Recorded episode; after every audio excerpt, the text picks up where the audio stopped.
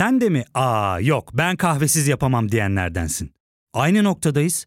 İlk ve tek kahve üyelik uygulaması Frink'le tanış. Hem bütçeni koru hem de hiç bitmeyen kahvenin tadını çıkar. Yakınlarından terapinin onlara ne kadar iyi geldiğini dinlesen de kendin için bir şeylere başlamak zor geliyor olabilir. Ya da sevdiklerine yardım etmeye istekliyken kendi ihtiyaçlarını görebilmek.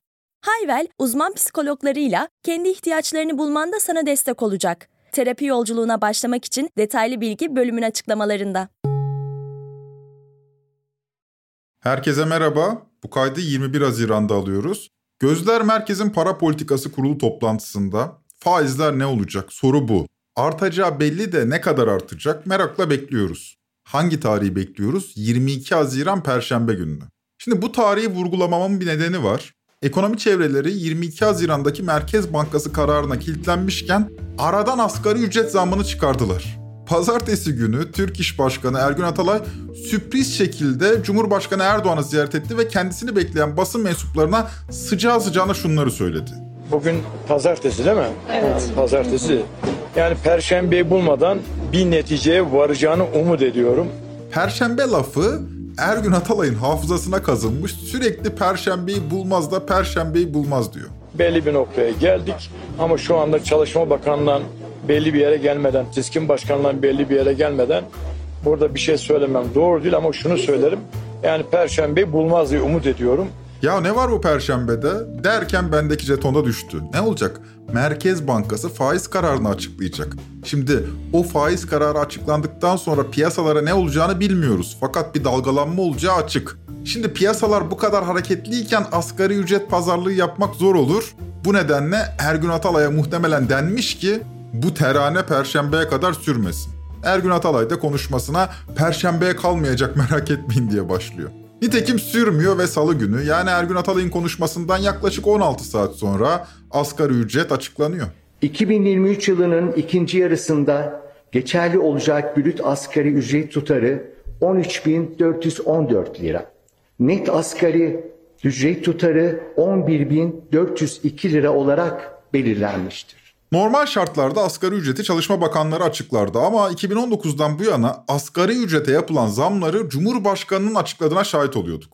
Bu sefer geleneksel olana geri dönüldü ve asgari ücreti Çalışma Bakanı Vedat Işıkhan açıkladı. Perşembeye kalmadı asgari ücret ve %34'lük bir zam yapıldı. Anadolu kentleri için makul bir para fakat büyük kentlerdeki yaşam maliyeti düşünüldüğünde çerez parası. Bu nedenle bölgesel asgari ücret tartışmaları yeniden alevlendi. Kiraları bir önceki bölümde dinlediniz zaten. Diyelim ki büyük kentte oturuyorsunuz ve asgari ücrete mahkumsunuz. Gerçekten tam bir mücadele hali. Ya şöyle biraz empati yapalım. Çocuğunuz olsa okula servis ücreti lazım. Evinizde kiralar ortada. Ulaşım parası deseniz İstanbul'da toplu ulaşımı kullansanız dahi aktarmalarla günlük 50 lirayı ulaşıma ayırmalısınız. Ya bunların hiçbiri taşrada yok. O yüzden asgari ücretlilik konusunda metropol ile taşra arasında dağlar kadar fark var. Kendine Muhabir adlı YouTube hesabı da asgari ücrete ilişkin ilk tepkileri sokağa sormuş. Yani benim alım gücüm yine azaldığı sürece ben 20 alsam ne fark eder, 30 alsam ne fark eder? Öyle bir gerçek var. Atansanız bile yine muhtemelen asgari ücrete yakın bir ücret alacak. Ve atanamadım. Kaç yıldır çalışıyorum. ikinci, üçüncü kere üniversite sınavına girdim. Yani artık bu benim canımı sıkıyor. Ben yurt dışına kaçmayı zaten kesinlikle düşünüyorum. Dil okuyorum. Almanca çalışıyorum. Sırf bu yüzden Almanya. Aynen.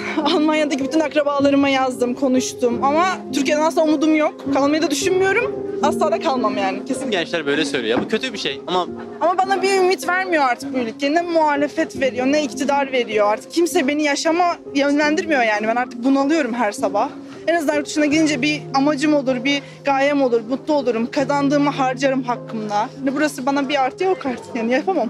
Bu genç kardeşimiz Avrupa yolunu gözlüyor da Avrupa'da Türklere vize vermiyor. Vize krizi tat kaçırıcı bir seviyeye ulaşmış durumda.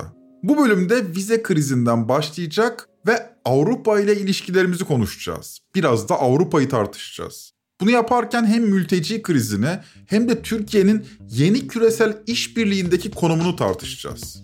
Ben Ozan Gündoğdu, hazırsanız başlayalım.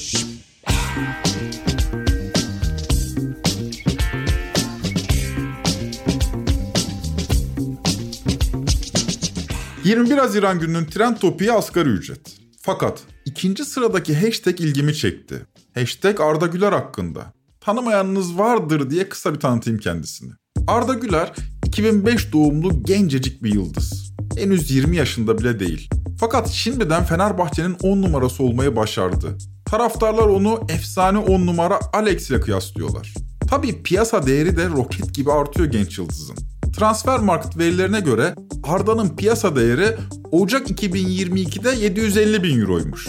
Aradan sadece 1,5 yıl geçmiş, Haziran 2023'te piyasa değeri 15 milyon euro olmuş. 1,5 yılda piyasa değeri 20'ye katlanmış. Bir de gitmiş Türkiye Galler maçında milli formayla ilk golünü atmış. Arda kontrol, Arda baktı kaleye, Arda Güler! Arda ne güzel gol! Süper gol! Göz bebeğimiz! Bugün... Haliyle trend topik olmuş Arda. Fakat hashtag ne biliyor musunuz? Arman için kal Arda Güler. Fenerbahçeliler Arda'nın gitmesini istemiyor belli ki. Ama Arda da durduğu yerde durmuyor. Şimdi Arda'nın yerine kendimizi koyalım. Nasıl gitmesin? Süper Lig'de bu potansiyelde bir oyuncu için gelecek var mı? UEFA ülke puanı sıralamasında Türkiye 2021-2022 sezonunu ilk 15 dışında kalarak 20. sırada tamamlamış ve bu yüzden Süper Lig'in 2023-2024'te Avrupa'ya göndereceği takım sayısı 4'e düşmüş. Şampiyon takım Galatasaray bile 3 öneleme maçını geçtikten sonra Şampiyonlar Ligi'ne katılmaya hak kazanıyor. Takımlarımız artık UEFA'ya bile gidemiyor. Konferans ligine düşüyor. Bundan 10-15 sene önce olsa Arda kalsın derdik ama şu acı cümleyi kuramadan da edemiyor insan. Arman için kalarda ama gidersen de anlarız. Durumumuz ortada. Bugünlerde Türk gençlerine söylenen de budur sanırım. Gitmesen keşke, gitme ama gidersen de anlarız. Burada kaldığında sana ne vaat ettiğimiz açık. Gençler de zaten gök yollarını kurcalıyor. Türkiye'den Avrupa'ya iltica edenlerin sayısı da Orta Doğu ülkeleriyle yarışıyor. Belki de biz de Orta Doğu ülkesiyiz artık da kendimizi kandırıyoruz bilemiyorum. Çok çeşitli haber kaynakları var ama resmi veriler Avrupa Birliği İltica Ajansı'nda. Kısa adıyla EUAA. Yani girmek isterseniz bu siteden girebilirsiniz. Avrupa'ya hangi ülke vatandaşları iltica ediyor sorusuna verilen cevaplarda artık ilk üçte Türkiye'de var. Türkiye'nin önündeki ülkeler hangileri biliyor musunuz? Suriye ve Afganistan. 2022'de Türk vatandaşlarının Almanya'ya yaptığı sığınma başvurusu 25.054. En çok iltica talep edenlerin geldiği ülkeler sıralamasında Türkiye bir süredir Suriye ve Afganistan'ın arkasından üçüncü. Ancak Türk vatandaşlarının başvurusundaki artış onu diğer ülkelerden ayırıyor.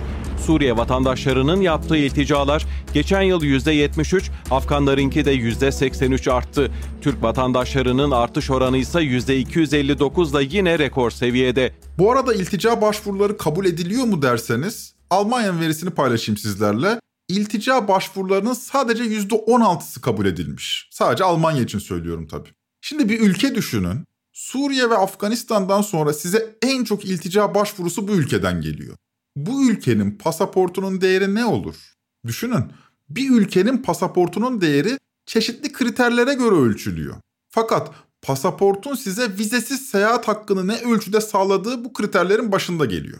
Verilere passportindex.org adresinden ulaşabilirsiniz. Bu verilere göre Türk pasaportundan daha değerli tam 83 ülke saydım. 83 ülke. Türk pasaportuyla 74 ülkeye vizesiz girebiliyorsunuz. 50 ülke kapıda sizden vize soruyor. 74 ülkeye ise vizesiz giremiyorsunuz. Türkiye ile aynı sayılardaki diğer 4 ülke şöyle. Tonga, Rusya, Marshall Adaları ve Venezuela. Türk pasaportundan daha değerli bir iki ülke sayayım size. İlgimi çekenlerden bir iki tanesini yoksa 83 tane var. Mesela Kiribati. Hiç duydunuz mu bu ülkeyi bilmiyorum. Ben de ilk kez duydum. Google'ladım bir Pasifik ada ülkesi Kiribati'nin 110 bin vatandaşı 80 ülkeye vizesiz seyahat edebiliyor. 80 ülkeye. Hatırlatalım bizim pasaport 74 ülkeye vizesiz seyahat hakkı tanıyor. Mesela başka bir ülke bir narko devlet olan Kolombiya vatandaşları 85 ülkeye vizesiz seyahat edebiliyor. Şimdi vizesiz seyahat etme imkanını geçtim. Biz vize almak istiyoruz da vize alabilsek keşke diyoruz. Evet bir sorun da bu vizesiz seyahati hayal eden de yok. Vize alamıyoruz ki. Bu vize krizini doğrudan yaşayan sektörlerin başında da tur şirketleri geliyor tabii. Konuyu NTV haberleştirmiş. Tur operatörleri platformu sözcüsü Cem Polatoğlu da NTV'ye konuşmuş. 2-3 günde bile verilebilen vizeleri 2-3 ayda ancak sıra gelmeye başladı. Bu bizim için tabii kötü. Yani adam tur alıyor, parasını ödüyor. Biz de uçak biletini kesiyoruz, otelde yerini ayırtıyoruz. Bizim yaptığımız rezervasyonlar boşa gidiyor. Kimi yerlerden ceza yiyoruz. Hava yollarından %25'e varan cezalar yiyoruz. Bu vize sorunu yüzünden iptal edilen turlar var. Yani sorun iki boyutlu. İlk boyutunda şu var. Vize süreci olumlu sonuçlansa da artık çok uzuyor bu süreç. Normalde böyle bir hafta 10 günlük süreç aylar sürüyor. Peki bu süreç neden uzuyor? Çeşitli nedenler var ama bu nedenlerin başında pandemi sonrası yoğunluk geliyor. Yani böyle anlatıyorlar en azından. Şöyle efendim. Pandemi boyunca ülkeler arası ulaşım kısıtlanınca vize başvuruları da %90'dan fazla azalıyor. Böylece vize başvuru sistemindeki personel sayısı da düşüyor. Fakat pandemi bittikten sonra personel kısıtını aşmak zaman alıyor. Bu da vize sürecinin uzamasına neden oluyor. Yani sürecin neden uzadığına ilişkin anlatılan, bize anlatılan gerekçe bu. Ancak pandemi sonrasındaki teknik sorunlar işin bahanesi gibi duruyor. Türkiye Seyahat Acenteleri Birliği yani kısa adıyla TÜRSAP Başkanı Firuz Bağlıkaya bu konuyu 10 gün önce Sözcü TV'de anlatmış. Şimdi bu pandemi döneminin hemen sonrasında uzunca bir süre pandemiden dolayı vizelerin e, yavaşladığıyla ilgili bir sonuç çıkmış idi. Biz de konsolosluk ziyaretlerimizde bize hep işte ülkesine dönen konsolosluk çalışanlarının geriye gelmediğini, işte bu vize düzeninin belli bir süre aksayacağı yönünde bir takım açıklamalar yapılıyordu ama görüyoruz ki pandemiyle ilgili herhangi bir şey yokken şu anda dahi bu sorun giderek büyüyor. Sürecin uzaması bir boyut. Nedenini söyledik. Uzamanın bahanesi pandemi. Fakat bizim sorunumuz sürecin uzamasından çok başvurularımızın reddedilmesi. Bu arada sadece Türkiye'ye ilişkin değil, Avrupa genel olarak vize işinde geçmişe göre çok daha titiz. 2017'de Schengen vize başvurularının %8.2'si reddedilmiş. Toplamdan bahsediyorum. Yani sadece bizimkinden değil. Toplamda %8.2'lik bir red oranı varmış 2017'de.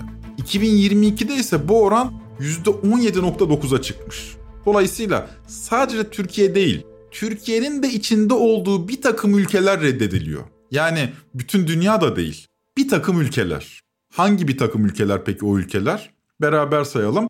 Red oranlarının en yüksek olduğu ülke Cezayir. 2022'deki başvuruların %40'ı reddedilmiş. Cezayir'i Tunus, Fas ve Hindistan takip ediyor. Beşinci sırada kim var?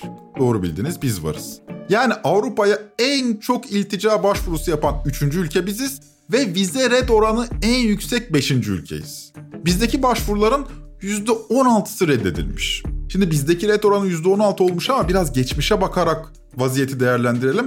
2018'de red oranımız %7'ymiş. Yani red oranımız iki kattan fazla artmış. Mesela Ukrayna Savaşı'ndan sonra ciddi bir ambargo uygulanan ülke Rusya biliyorsunuz. Rusya'nın red oranı 2022'de %10. Yani biz Rusya'dan %50 oranında daha fazla reddediliyoruz. Bizi en çok reddeden Avrupa ülkesi de Estonya olmuş. Son 5 yılda Estonya'dan vize almak isteyen Türklerin %52'sinin başvurusu reddedilmiş. Estonya'ya gitmek isteyenlerin yarısından çoğu reddedilmiş yani. Şimdi Estonya'da red oranı yüksek ama başvuru düşük. Yani böyle akın akın Estonya'ya gitmiyoruz. O yüzden sorun Estonya'nın bizi reddetmesi değil, daha ziyade Almanya'da Fransa'da problem yaşanıyor. Başvuru sayısının en çok olduğu ülke mesela Almanya. 2018'de Almanya bizim başvuruların %11'ini reddetmiş. 2022'de oran iki katına çıkarak %22 olmuş. Her 5 kişiden biri Almanya'dan vize alamıyor yani. Üstelik başvuru sayısı da artmış bu süreçte. Şimdi reddedilmemek ya da hızlıca vize almak için ne yapıyorsunuz? Bu işin profesyonel olan şirketlerle çalışıyorsunuz. Burada da VIP vize uygulamasına yönlendiriyorlar sizi.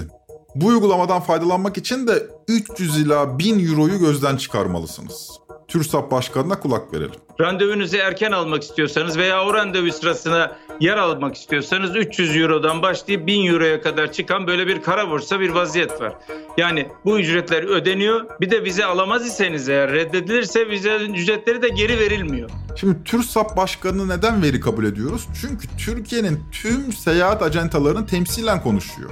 Sektörün neredeyse resmi temsilcisi pozisyonda TÜRSAP. Biraz önce 2018'de red oranımızın %7 olduğunu fakat bu oranın 2022'de %16'ya çıktığını söylemiştik. 2023 verileri elimizde yok ama TÜRSAP Başkanı Firuz Bağlıkaya bu oranın %50'lere çıktığını paylaşıyor bizde. Oran sıkıntısı var. Yani geçen senelerde %15'lerin üstüne çıktı red oranı. 2023'te bu oran %50'ler civarında gibi seyrediyor. Daha açıklanmadı tam rakamları ama çok ciddi bir sıkıntı var. Şimdi tablo ortada. Reddediliyoruz. Peki neden reddediliyoruz? Avrupa'ya sorsanız yo diyorlar her şey yolunda. Fakat bu açıklamanın tatmin etmediği de ortada. Bu işlerle uğraşan bir şirketin yetkilisiyle konuştum. Neden reddedildiğimiz sorusuna kısaca Türkiye Cumhuriyeti Devleti'nin pasaport politikasına güvenilmediği cevabını aldım. Şimdi bu kaynağıma siz ne kadar güvenirsiniz bilmem fakat bu cevabın dayanaksız olmadığı da ortada. O halde gelin bu cevabın dayanaklarını arayalım ve bu pasaport politikasına daha yakından bakalım. Bizdeki pasaport politikasında bir numaralı sorun Türkiye Cumhuriyeti vatandaşı olmanın oldukça kolay olması. Dünyanın neresinde olursanız olun, ne işle uğraşıyor olursanız olun, 400 bin dolara Türkiye Cumhuriyeti vatandaşı olabiliyor ve pasaport edinebiliyorsunuz. Bugün yine güzel bir gün arkadaşlar. Vatandaşlık başvurusu yaptığımız bir müşterimizin daha pasaportu elimize ulaştı. Şimdi birlikte açalım pasaportunu. Ben aslında işin en çok bu yönünü seviyorum. Çok fazla emek harcıyoruz aslında. Ve bu kadar emek harcayarak tamamladığımız bir işin sonucunu görmek beni heyecanlandırıyor. Ve bana göre dünyanın en değerli pasaportu Türk pasaportu işte burada. Birazdan müşterimiz gelecek ve kendisine pasaportunu teslim edeceğiz. Siz de binlerce müşterimiz gibi vatandaşlık işlemlerinizde danışmanlığı tercih edin. Unutmayın. Danışmanlık size her zaman doğru, ekonomik ve yasal çözüm önerileri sunar. Bu tip şirketler türedi. Şirketin adını vermeyeceğim önemli de değil. Zaten yasa dışı bir iş de yapmıyorlar. Yaptıkları yasaldır. Çok sayıda böyle şirket var. Şirkete parayı veriyorsunuz. Bir de 400 bin dolar ayırıyorsunuz. Başka bir şey yapmanıza gerek yok. Gelin kimliğinizi ve pasaportunuzu alın. Tüm dünyada kavimler göçü gibi bir şey yaşanırken oluyor bunlar bir de üstelik. İzninizle kısa bir mola verelim. Ardından pasaport sistemimiz hakkında daha detaylı bilgilerle burada olacağız.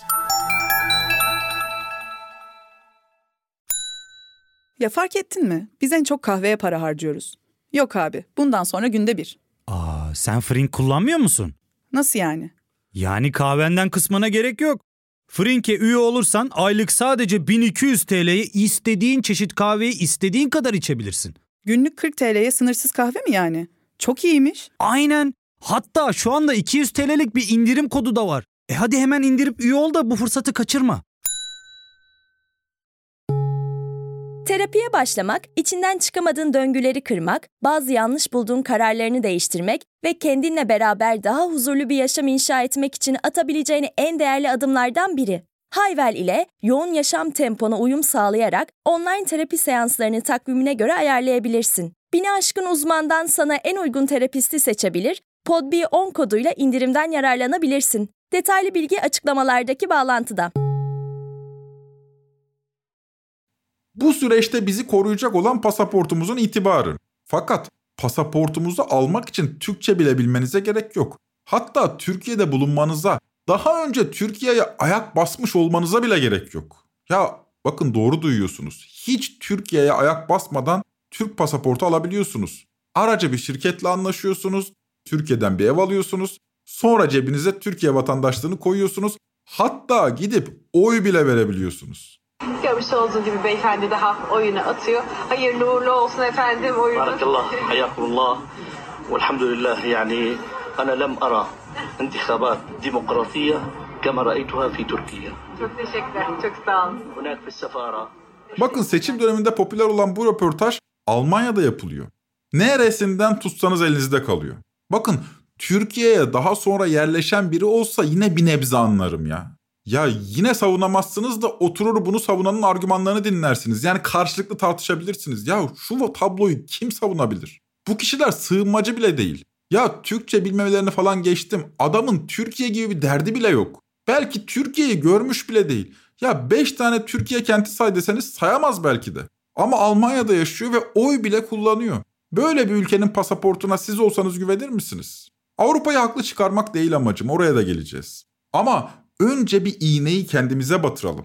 Veriler de şeffaf değil. Konut edinme yoluyla kaç kişi vatandaş yapılmış sorusuna resmi makamlardan gelen bir cevap yok. Bulabildiğim tek veri Çevre ve Şehircilik Bakanlığı'nın 2021'de CHP'li Erkan Aydın'ın soru önergesine verdiği yanıt. Şöyle denilmiş, 2018 ve 2021 yılları arasında 19.630 yabancıya gayrimenkul alımın karşılığında vatandaşlık verilmiştir. 2022 ve 2023'e ulaşamadım. Yani bu verilerin normal şartlar altında kamuoyuna belli periyotlarla açıklanıyor olması lazım. Ama işte sayı on binlerle ölçülüyor dersek herhalde hata etmiş olmayız. Bir de konut edinimi dışında Türkiye'de yaşayıp geçici sığınmacı statüsünden vatandaşlığa geçenler var. Tevatürleri geçiyorum. Elimizdeki tek veri maalesef resmi veriler. Ne kadar güvenirsiniz bilmiyorum. İçişleri Bakanlığı'nın Mayıs ayında açıkladığı verilere göre 230.998 Suriyeliye yani bunların içinde başka milletlerden insanlar yok. Sadece Suriyelilere vatandaşlık verilmiş. 230.998. Bunların 130.914'ü reşitmiş. Yani 18 yaşını doldurmuş. Süleyman Soylu'ya da kim bunlar diye sorulmuş. Soylu da demiş ki Irak ve Suriye Türkmenleri bunlar. Bir ay önce TV100 yayınındayız. Suriyeli göçmenlerin büyük bir bölümü Halep'ten geliyor. Halep neresi? Bizim misak-ı milli sınırlar. Ya bunlar bizim insanlarımız. Bunlar başka insanlar değiller. Akrabalıklar var. Akrabalıklar var ya ve misak-ı milli sınırımız bunlar. Bakın yıllarca Telefer dahil olmak üzere Suriye Türkmenlerinin, Irak Türkmenlerinin Türkiye Cumhuriyeti Devleti bir devlet politikası olarak vatandaş yapılmalarına hep karşı çıktı. O bölgede kalsınlar istedi. Ama durum o kadar sıkıntılı bir sürece döndü ki artık biz onları vatandaş yapıyoruz. Suriye Türkmenlerini ve Irak Türkmenlerini. Onlar bizim kardeşlerimiz çünkü. Onlar biziz, biz onlarız. Şimdi Türkiye'deki yükselen milliyetçilik düşünüldüğünde Soylu aslında bu milliyetçiliğe yaslanarak cevap veriyor. Diyor ki onlar Türkmen. Şimdi orada da ayrı bir sorun ürüyor. Şimdi diyelim ki Diyarbakırlı bir Kürtsünüz. Anayasaya göre siz Türksünüz. Bir de Suriye Türkmenlerini ele alalım. Onlar da Türkiye'ye gelince vatandaş yapılıyor çünkü onlar soydaş statüsünde. Hayda. Şimdi bu koşullar altında Diyarbakırlı Kürdün kafası karışıyor. Nasıl karışmasın? Sizin akrabanız vatandaş yapılmıyor. Çünkü o akrabanız Kürt. E hani biz Türktük? Yok siz Kürtsünüz. E tamam ama Suriyeli Türkmen nasıl Türk? O soydaş. E hani kan bağına bakmıyordunuz vatandaşlık bağı önemliydi bize de Türk diyorsunuz. Yok yurt içinde bakmıyoruz da yurt dışında bakıyoruz. Orada da işler karma karışık hale gelmiş yani o yüzden bu meseleyi çok didiklemiyorum. Her neyse ortada böyle bir vaka var. Fakat pasaportumuza duyulan güvensizliğin tek nedeni dağıtılan vatandaşlıklar değil. Aynı zamanda dağıtılan pasaportlar. Nasıl yani? Şöyle anlatayım. Bu kaydı dinleyen siz mesela. Pasaportunuz ne renk? Benim pasaportum bordo renkli. Umumi pasaport diye geçiyor. Fakat Türkiye'de 5 çeşit pasaport var. Bordo, yeşil, gri, siyah ve pembe. Ben diğerlerini duymuştum ama pembeyi ilk defa bu yayını hazırlarken öğrendim. Bu pembe pasaportu bilmiyordum yani. O şuymuş. Diyelim ki yurt dışında pasaportunuzu kaybettiniz. Gidiyorsunuz konsolosluğa. Size geçici bir pasaport veriyorlar. Ha işte o pasaport pembe renkli oluyor. Çok önemli değil yani onu geçelim. Yeşil pasaportu kamu çalışanlarına veriyorlar. Müthiş bir şey. Vize derdi yok. Siyah pasaport daha da güzel. Onu diplomatlara veriyorlar. O da müthiş. Onu da vize derdi yok. Bir de gri pasaport var. İşte sorunun bir boyutu da o gri pasaportlar. Ne demek derseniz gri pasaport şu demek. Hizmet pasaportu ya da gri pasaport, tıpkı devlet memurlarına verilen yeşil pasaport gibi devlet için yurt dışında görev yapacak olan kişilere verilen pasaport türüdür. Hususi idarelerce ve belediyelerce verilebilir. Milli sporcular da bu pasaportları kullanır. 5682 sayılı pasaport kanunu gereğince sadece görev süresini kapsar. Gri pasaport, birçok ülkeye vizesiz giriş imkanı sunar. Yani yeşil pasaport ayarında ama geçici süreyle veriliyor. Şimdi Türkiye'de vize işi büyük zorluklarla karşılaşınca bu gri pasaport işine de şaibe karışıyor. Çeşitli şebekeler, çeşitli çeteler bu gri pasaport işini rüşvet ağlarıyla dağıtmaya başlıyor. Çünkü yurt dışına vizesiz gitmenin yollarından en kolayı bu gri pasaport. Belediyelerden de alabiliyorsunuz bunu. Diyelim ki bir belediye yurt dışına görev emri çıkarıyor. İçişleri Bakanlığı'na onaylatıyor bu emri. Görevlendirdiği kişilere de gri pasaport çıkarıyor. Vize işlerini atlıyorsunuz böylece. Kimsiniz siz mesela? Mesela bir halk oyunları ekibisiniz ve yurt dışına turnuvaya gideceksiniz. Sizin için gri pasaport çıkarılıyor. 5 yıl geriye bir gidelim. 16 kişilik kafileyle gittikleri Macaristan'dan 5 kişi olarak geri döndüler. Ankara'dan Budapeşte'ye uzanan kaçış olayının üzerindeki sır perdesi aralanıyor. Tüm Türkiye'nin konuştuğu o iltica iddialara göre sahte imzayla başladı. Bir halk oyunları ekibine adınızı yazdırıyorsunuz. Birkaç rüşvet, birkaç aracı. Hop ver eline Avrupa. Bu Macaristan'a iltica eden halk oyunları ekibi o zamanlar bir süre konuşuldu ve unutuldu. Ama Avrupa'da da gündem olan bir olay Malatya Yeşilyurt Belediyesi'nde yaşandı. 2 yıl önce 2021'de Yeşilyurt Belediyesi'nin gri pasaport tahsis ettiği 90 kişilik kafileden kimse Türkiye'ye dönmedi. Almanya'ya gönderilen 43 kişinin geri dönmemesi üzerine Malatya Yeşilyurt Belediyesi üzerinden başlatılmıştı gri pasaport soruşturması. İçişleri Bakanlığı kapsamı genişletti, 6 belediye hakkında soruşturma açıldı. Yöntem şu. Bir dernek kuruyorsunuz. Zaten 7 kişiyle bir araya gelseniz, valiye başvursanız dernek kurulmuş oluyor. Yani çok acayip bir şeye gerek yok. Yurt dışında bir organizasyona dahil oluyorsunuz. Bunun için bir davet mektubu yeterli. Belediye ile bir protokol imzalıyorsunuz. Gri pasaportları alıp insanları Avrupa'ya götürüyorsunuz. Bunun karşılığında da binlerce euro parayı cebe indiriyorsunuz. Söz konusu binlerce euro parayı da rüşvet olarak dağıtıyorsunuz. Sadece Malatya Yeşilyurt Belediyesi de değil bu arada. Şanlıurfa'nın Hilvan Belediyesi'nde de aynı vaka yaşanmıştı. Daha bunlar ortaya çıkanlar bu arada. Gri pasaportlu insan kaçakçılığında varış noktası Almanya olarak biliniyordu ama Sözcü gazetesi yazarı İsmail Saymaz Fransa'ya da aynı yöntemle insan kaçırıldığını Şanlıurfa Hilvan örneğiyle ve belgesiyle yazdı. Tarihi 30 Eylül 2019. Giden sayısı 45, dönen sayısı bilinmiyor. Gri pasaport işi uzun. Biz uzatmayalım ama şunu söyleyelim bu gri pasaport işini Avrupa'da tartışıyor. Dolayısıyla Türkiye'den gelen insanların pasaportlarına da şaibeyle yaklaşıyorlar. Yani bu vizede titizlik boşu boşuna değil. Şimdi iğneyi bir kendimize batıralım dedim ya. Nasıl bir ülke olduk biz? Gençleri yurt dışına gitmenin yollarını arıyor. İltica başvurularında 3. sıradayız. Bizim önümüzde Afganistan ve Suriye var. Avrupa'ya en çok vize başvurusu yapan ülkeyiz ve red oranında da 5.yiz. Bir Almanya vatandaşı Türkiye'ye vizesiz gelebiliyor. Hatta ne vizesiz gelmesi pasaportunun süresi geçse dahi ona kolaylık tanınıyor. Ama Türkiye'den Almanya'ya gitmek isteyen her 100 Türk'ün 22'si reddediliyor. Demiştik ki iğneyi kendimize batıralım da çuvaldızı ne yapacağız? Bana kalırsa Türkiye'de son derece kof bir batı karşıtlığı üredi gibi. Ama aynı koflukta bir batı özentiliği de üremiş durumda. Kimisi batıyı her türlü kötülüğün vücut bulduğu coğrafya olarak görürken kimisi de sahte bir cennet olarak hayal ediyor Avrupa'yı. Halbuki tek bir Avrupa yok ortada. Bir yanda tüm emperyalist kurumlarıyla ortada duran bir Avrupa, diğer yanda da halkına sunduğu refah ortamıyla Avrupa. Bizleri bir göçmen deposu olarak görüyorlar. Türkiye onlar için göçmenleri Avrupa sınırında tutan bir Orta Doğu ülkesi. Ege Denizi'ni de bir tür mezarlığa dönüştürmüş durumdalar. 15 Haziran'da yani yaklaşık 6 gün önce Yunanistan'ın Mora açıklarında içinde 750'den fazla göçmenin olduğu bir tekne alabora oldu. Görüntüler korkunç. Geminin batırıldığına ilişkin şaibeler dolaşıyor. Yüzlerce ölü var. Yunanistan açıklarında da son yılların en kötü facialarından biri yaşandı. Yaklaşık 750 mültecinin bulunduğu bir tekne Mora Yarımadası açıklarında alabora oldu ve şu ana kadar yalnızca 104 kişi kurtarılırken bilanço ise giderek ağırlaşıyor. Avrupa deyince aklımıza insan hakları ve demokrasi geliyor da acaba bizim mi aklımızda bir sorun var yoksa Avrupa'nın insan hakları ve demokrasi kavramları mı biraz tuhaf? Ben İzmir'de doğdum, yazlarım Ege Denizi'nde geçti kendi adıma artık Ege'de yüzerken bir tür mutsuzluk yaşıyorum. Medeniyetin beşiği olan bu deniz artık bir toplu mezara dönüşmüş durumda. Bu denizde kaç ceset vardır hiç düşündünüz mü? Sayının on binler olduğu söyleniyor. Suçlusu açık ki Avrupa'dır. Ha vicdanınız el verir mi bu dediğime bilmem ama biz de bu suçun işbirlikçisiyiz. Geri kabul anlaşması gibi bir fecaat yerli yerinde duruyor. Yunanistan ve İspanya ise bu anlaşmaya güvenerek Akdeniz'i bir toplu mezara dönüştürmüş durumda.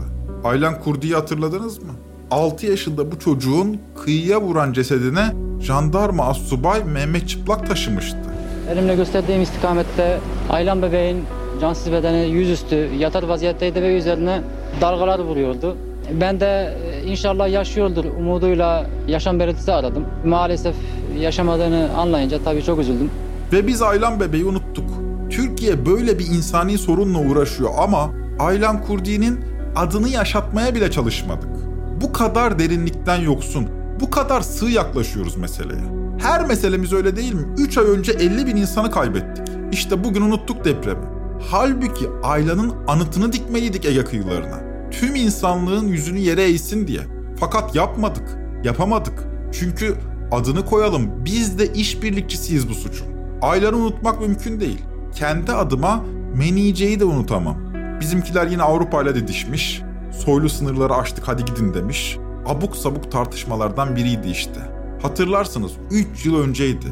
Bu esnada Menice de ailesiyle birlikte Yunanistan'a geçmeye çalışırken ailesini kaybetmişti. Annem babam iki gün kayıp. Annem babanla mı geldin? Evet geldim ama kayboldum. Kardeş- Orada mı kayboldular? Yunanistan'a mı Evet. geçtin? Evet. Kardeşlerim de vardı. En son Yunanistan sınırında birlikte Evet. gittiniz. Evet. Yunanistan'a orada, kaybetti. orada araba iki tane araba vardı. Beni beni bu arabayla şey yaptı. Onlara o, o arabayla şey yaptı. Ama demiyorlar annen var mı baban yok mu? Hiçbir şey demiyorlar. Sadece vuruyorlar. Sadece bu- kadın erkek demiyorlar. Çocuklara vuruyorlar. Avrupa dediğiniz biraz da budur işte. Hayranlık duymaya hiç gerek yok. Hele hele bu coğrafyanın insanları yıllar yılı hatırlamalı Avrupa'yı.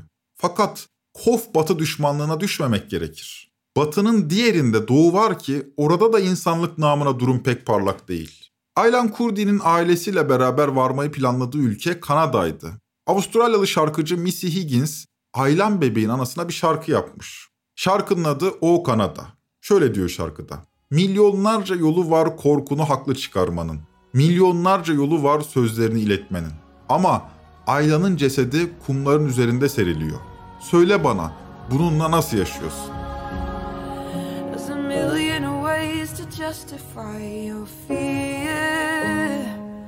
There's a million ways to measure out your worth. With the body of